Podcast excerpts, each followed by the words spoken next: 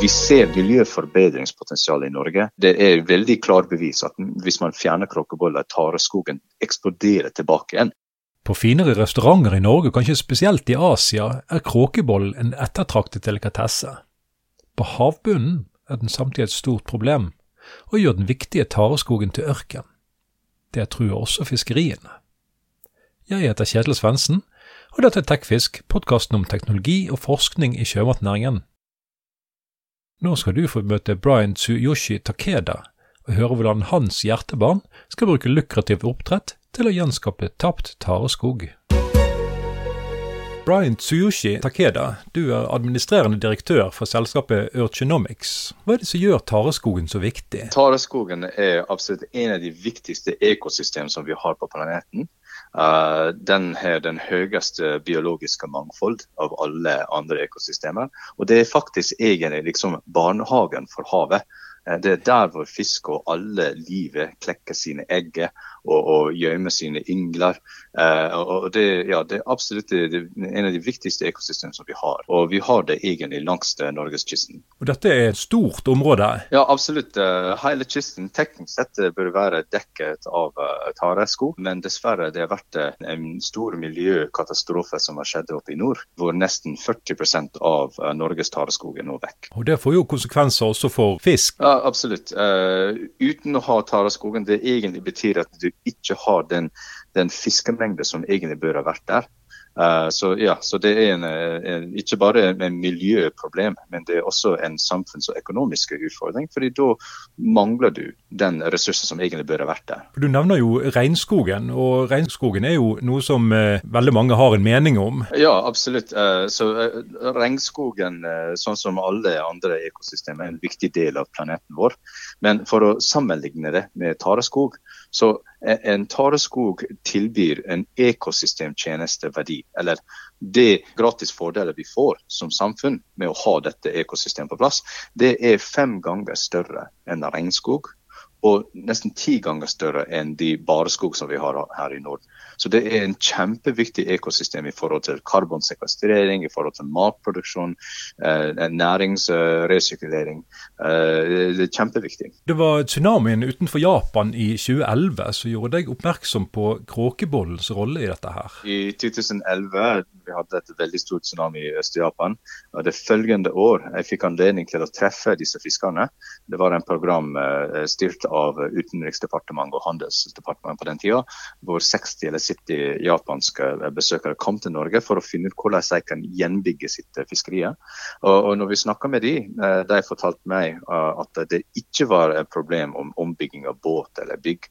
Det var faktisk at predatorartene i tareskog ble vasket vekk av tsunamien, og kråkebollene eh, gjensto. Og De reproduserte og spiste opp eh, den hele tareskogen som var fundament av deres fiskeri der. Og så når de kom tilbake med sine nye båter, det hadde ingenting å fiske.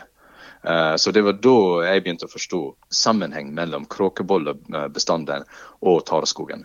Og I dag har kråkebollene fått et solid fotfeste også langs norskekysten. Og her har vi vi hatt en tsunami på veldig mange år.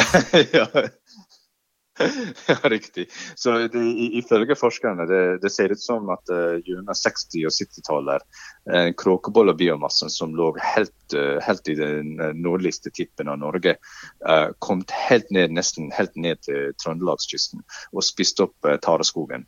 Og, og, så Nå det begynner å trekke seg litt tilbake igjen opp i nord, men fortsatt uh, ca. Ja, 40% av tareskogen. den mest bioaktive, mest produktive området i Norge er helt bortvekke. Og, det er hovedsakelig pga. nedbeiting av uh, kråkeboller. Så det er egentlig altfor mange kråkeboller uh, som spiser opp tareskogen og, og konverterer det til hva vi kaller urchin barons, eller kråkebolleørken. Og Her er det jo snakk om gamle synder. For Havforskerne de har jo konkludert med at det er mye av trålingen på 70-tallet og overfangst av steinbittorsk og krabbe som uh, har. Jeg er ikke forsker, så jeg kan ikke ta, ta, en posisjon om hva, hva, hva, slags gamle synder skjedde. Men realiteten her som vi ser det, er at, at en ekosystem som egentlig bør ha vært masse tareskog, superproduktiv, bidrar så mye, så mye til samfunnet og planeten, er nå vekk vekk nå. Og så Det vi uh, gjør, og det vi ønsker å gjøre, er å fokusere på dette problemstillingen og finne en løsning der. Og Det er derfor vi, uh, vi holder på med Urgenomics. Kråkeboller de kan fint fungere sammen med resten av faunaen nede på havbunnen? Kråkeboller er en viktig del av ekosystemet i, i en vanlig balansert mengde. Problemet nå er at de eksploderte i store mengder. Eh, til dette punktet at, at, de har skapt en ubalanse i miljøet. Så nå eh, vi har altfor mange eh, kråkeboller, og når kråkeboller spiser opp tareskogen, de egentlig ødelegger den fundament for predatorartene òg. Så de predatorartene som vanligvis holder kråkebollene i sjakk, det, det, det, forsvinner. fordi de har ikke plass å gyte og klekke egg og, og vokse opp. Så, så, så, nå at vi har etablert oss en gedigende stor kråkebolleørken i nord, det er veldig vanskelig å få den vekk igjen. Og, og det, det, er der hvor Urgenomics kommer inn. Som en resultat av å fjerne kråkeboller fra havet, da bidrar vi til taregjennoppretting. Så når den nedbeitingstrykk fra kråkeboller er vekk, tareskogen kan eksplodere tilbake igjen. Noe tareskogen tar bare tre og halv måneder før det blir eh, masse skog igjen. Eh, I Norden, hvor vi har mindre sol, eh, for iallfall halvparten av året, eh, da tareskogen vokser litt treigere. Men i løpet av seks til sju måneder, da har vi masse livet tilbake på havbunnen igjen. Og, og Når tareskogen kommer tilbake igjen, da får vi fisken som kommer tilbake igjen. Da har vi binding og sekvestrering av CO2. Vi har beskyttelse fra havforsyning. Vi har beskyttelse fra bølger og erosion. Men mest kanskje viktig her er at vi kan også bidra til eh, liksom langsiktig og bærekraftig arbeidsplass i distriktet. Eh, så, så, det er liksom den økologiske og samfunnsmessige fordelen som kommer med en lønnsom kråkebolleoppdrettsbusiness. Når eh, kråkebollen blir for mange, så, eh, så, produserer de ikke lenger rogn? Når kråkeboller og nedbeiter tareskogen og det spist opp alt maten som er rundt seg, da blir de sultne igjen, og så det blir tomt det, det, det, er faktisk de gonader eller rogn i kråkeboller som har økonomisk verdi, og også kaloriverdi for, for predatorarter. Men når de ikke har noe å spise, da blir de tomt. så det har ingen kal kaloriverdi eller økonomisk verdi. Så de bare sitter der i havbunnen, og de hindrer at tareskogen vokser igjen. Så, så, ja, så når, man kollapser tareskogen og det er ikke mer mat igjen, da blir de egentlig verdiløse. Er det gjort noen estimater på hvor mange kråkeboller det finnes langs uh, kysten? Ja, Ifølge norske forskerne de uh, estimerer at det er ca. 80 milliarder kråkeboller langs kysten i Norge. Oi. Ja, Så det er litt vanskelig å, å, å tenke, men, men, hvis man uh, for, for, å si det slik 80 milliarder kråkeboller det er såpass stort at, at, man kan ikke sammenligne det med, med dagens markedsstørrelse. Fordi I dag eh, i en verdensbasis vi, eh, vi fanger ca. 70 000 tonn. Uh, og jeg tipper jo at 80 milliarder kråkeboller kan fort bli 40 000-50 000 tonn av biomassen. Så, så verdens supply kan faktisk bli uh, tilfredsstilt med den biomassen som vi har i Norge alene. For kråkeboll er jo en delikatesse, kanskje ennå ikke så mye i Norge, men spesielt i Japan så betales det godt for rogn? Ja, ja definitivt. Uh, så i Øst-Asia generelt uh, Kråkebollerogn kan være mellom 1000 til 3000 kroner per kilo. Eh, eller mer. Eh, men det er liksom den snittsprisen. Så det, det blir på en helt annen prisnivåkategori enn alle andre sjømat som vi produserer i Norge. Er det forskjell på kråkeboller i Asia og kråkeboller i Norge? Mye av det jeg mener er markedsføring, og det er liksom etablert brand som, som sikrer de aller høyeste priser. Men uh, realiteten er til og med den kan man kalle det den commodity eller standard vare kråkeboller er vel over 1000 kroner per kilo. Så, så, så til og med den, den, den lavere nivå av kråkeboller kvalitet er fortsatt ganske høy. Uh, så, så, Det er derfor vi ser uh, dette som en veldig spennende mulighet, hvor vi kan ikke bare uh, tjene penger på en hånd, men også bidra til miljøforbedring. Så dere skal redde verden og samtidig tjene gode penger? Ja, så vi, vi mener at kapitalisme egentlig bør være sånn. At, at det, liksom, Hvis man ser på hvordan business har blitt drevet i, i fortida, Eh, du, du, tjente penger, men på bekostning av arbeidere eller på miljø eller noe annet. Det har alltid vært liksom en zero sum game, hvor noen vinner og noen taper. Og jeg føler at den, den fremtidige modellen av kommers eller, eller kapitalisme fremover bør være noe som, hvor alle bør vinne. Eh, så, så, Det er derfor vi, vi, satser på dette modell. Og ja, Det betyr at vi må jobbe litt mer med andre faktorer som kanskje andre bedrifter ikke tenker særlig mye på. Men vi har en veldig klar mission. Våre investorer eh, gir oss den fleksibilitet til å tenke ikke bare lønnsomhet, men også eh, ikke bare bærekraft, men, men restaureringspotensialet, men også samfunnsutvikling. Våre oppdrettskonsepter vi har strategisk planlagt å sette det i distriktsregioner, ikke i nærheten av storbyer. Fordi det er der hvor mest aktiviteten skjer. Det er der som jeg føler vi må også bidra eh, for, å, for, å, ja, for, å, forbedre den totalpakke og hva vi tilbyr. Ja, Og bruke oppdrett faktisk til å gjenopprette balansen i havet? Jeg føler at i, ut fra ja, ofte Europa, eh, akvakultur har litt av en blande eh, image, eh, sånn som eh, stor industri agri agriculture. Men, men, det jeg føler, dette er en fantastisk mulighet for oss å vise at akvakultur kan være en miljøforbedrende løsning. Og, og, og, kanskje få folk til å tenke på nytt igjen hva akvakultur egentlig betyr. Uh, så, så, på den måten jeg synes vi, vi kan være en god eksempel, og vi ønsker å lede og skal oppføre oss eh, på en måte at, at, vi kan alltid stå på det riktige sida av history. Dere har fått eh, midler fra bl.a. fra Innovasjon Norge, og dere har samarbeid med Nofima-forskere. Men dere har også fått kapital fra eh, miljøinvestorer, sånn som Earthcare. Ja, stemmer. Kan du fortelle litt mer rundt det? Norge har mange fordeler, men også mange ulemper. Uh, og, og, fra rent kommersielt ståsted, uh, vi har ikke bygd opp den perfekt business case for Norge enda. Vi fortsatt holder på eh, med å jobbe med dette. Men uh, vi, vi, fikk uh, en del miljøinvestorer som har sagt ok, vi, vi, skjønner at den kommersielle casen er ikke helt validert i Norge enda. Men vi ser den potensialet, den miljøforbedringspotensialet i Norge. Uh, fordi det er veldig klart bevis at hvis man fjerner kråkeboller, tareskogen eksploderer tilbake igjen at de vil se dette resultat så fort som mulig. Så de har egentlig gitt oss eh, betydelige midler til å videreteste og viderepolere vårt konsept. Slik at vi kan komme inn til Norge raskere enn hva vi vanligvis skulle gjort hvis vi kun hadde vanlig kapital, eh, liksom private investeringskapital. Så, så de, de, har egentlig akselerert vår utvikling i Norge. Og vi ser resultatet allerede eh, med dette ressurset som vi har fått. Så jeg føler vi er liksom, kanskje 80% der. Eh, for å lage en veldig solid case og, og, og kjøre Kråkevoll oppdrett og miljørestaurering her i Norge. Og Det er jo ikke bare Norge det er snakk om, for det har flere pilotanlegg rundt om i verden. Ja, riktig. Og Om noen uker så åpner dere det første kommersielle oppdrettsanlegget for kråkeboller. Yes, så vi eh, i et par ukers tid vi skal vi skal åpne, vår første kommersielt skala kråkeballoppdrettsanlegg i Japan. Vi har eh, fire andre pilotanlegg i Japan på plass som skal eh, forhåpentligvis skalere opp til kommersielt nivå òg. Vi har også pilotanlegg i Canada. Og vi har planer å bygge noe i California i tillegg. Så, og vi har selvfølgelig vår pilot her i Stavanger i Norge.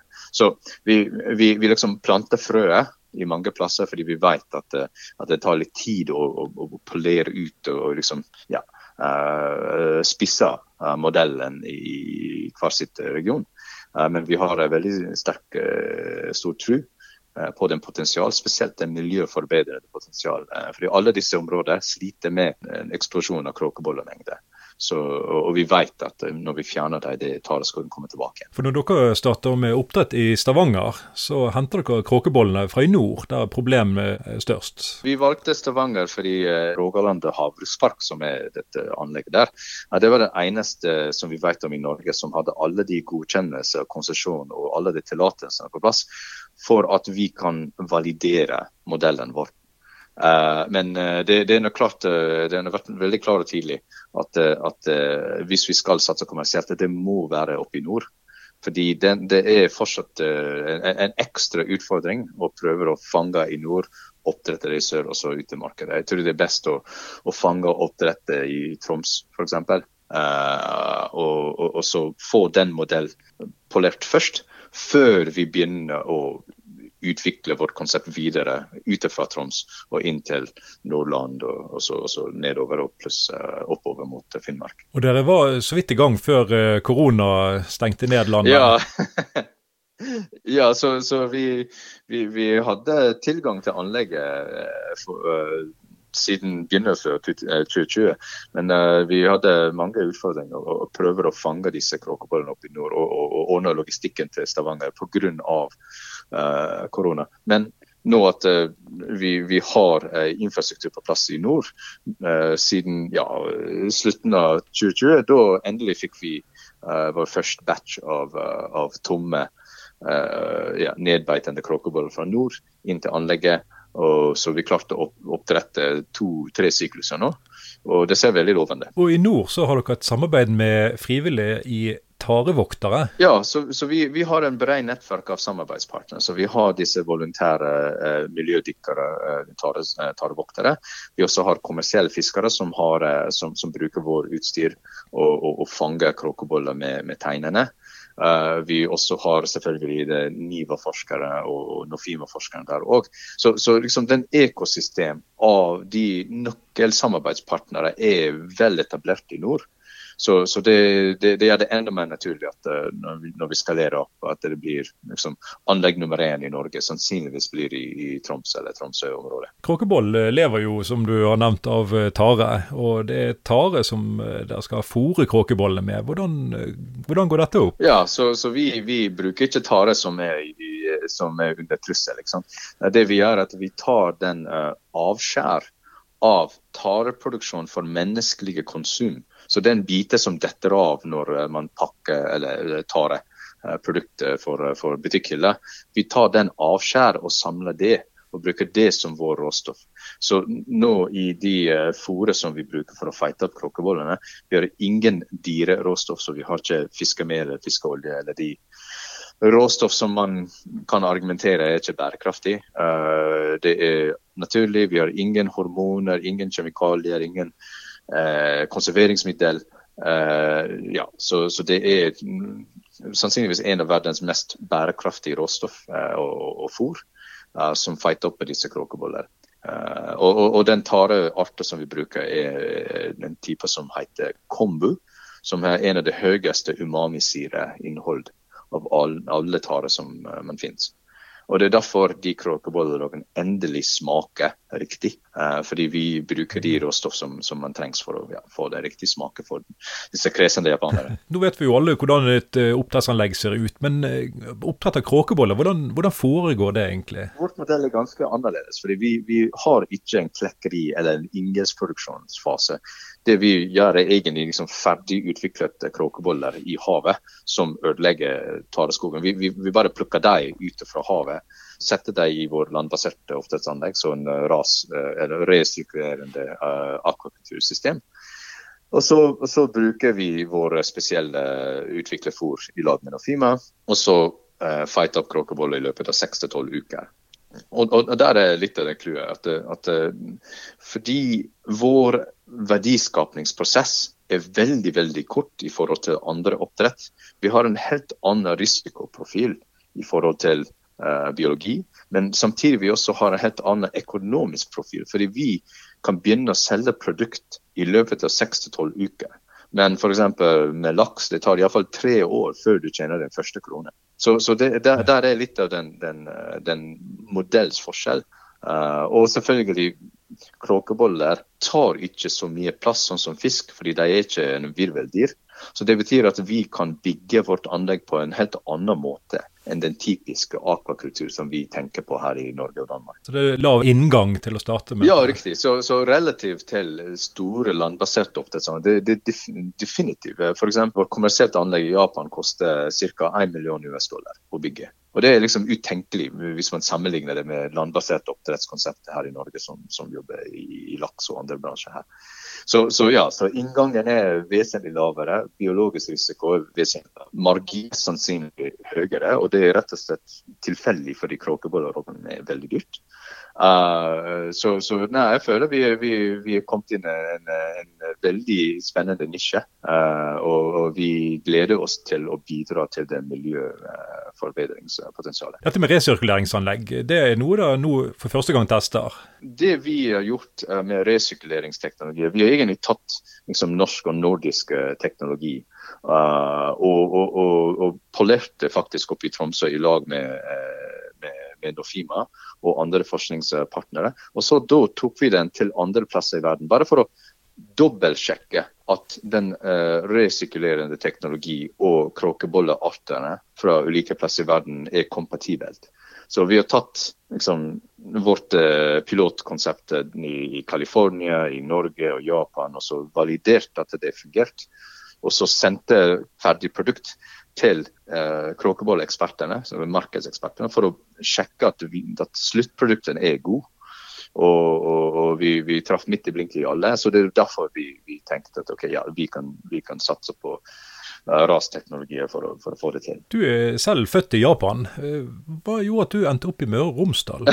ja, så Kona mi er fra, fra Sunnmøre, uh, så, så, det var litt av årsaken at jeg flyttet til Norge ti år siden.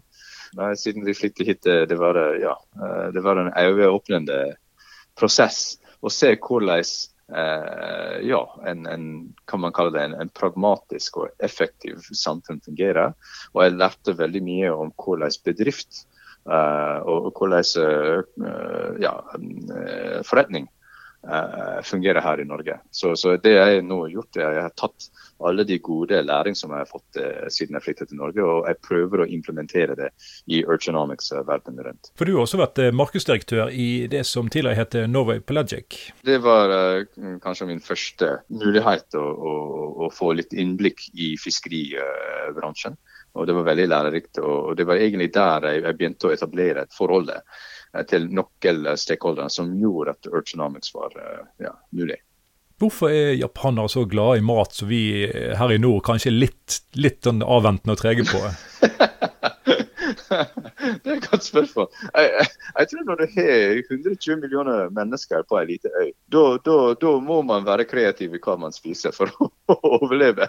Når, når du har fem millioner stykker i et gigantisk land som Norge, med alle de ressursene dere har, dere kan være litt mer, ja, mindre kresen. Bare ta den beste delen og så la andre spise resten. du kan høre mer på Tekfisk, som du finner på Spotify, iTunes eller der du liker å høre på podkast.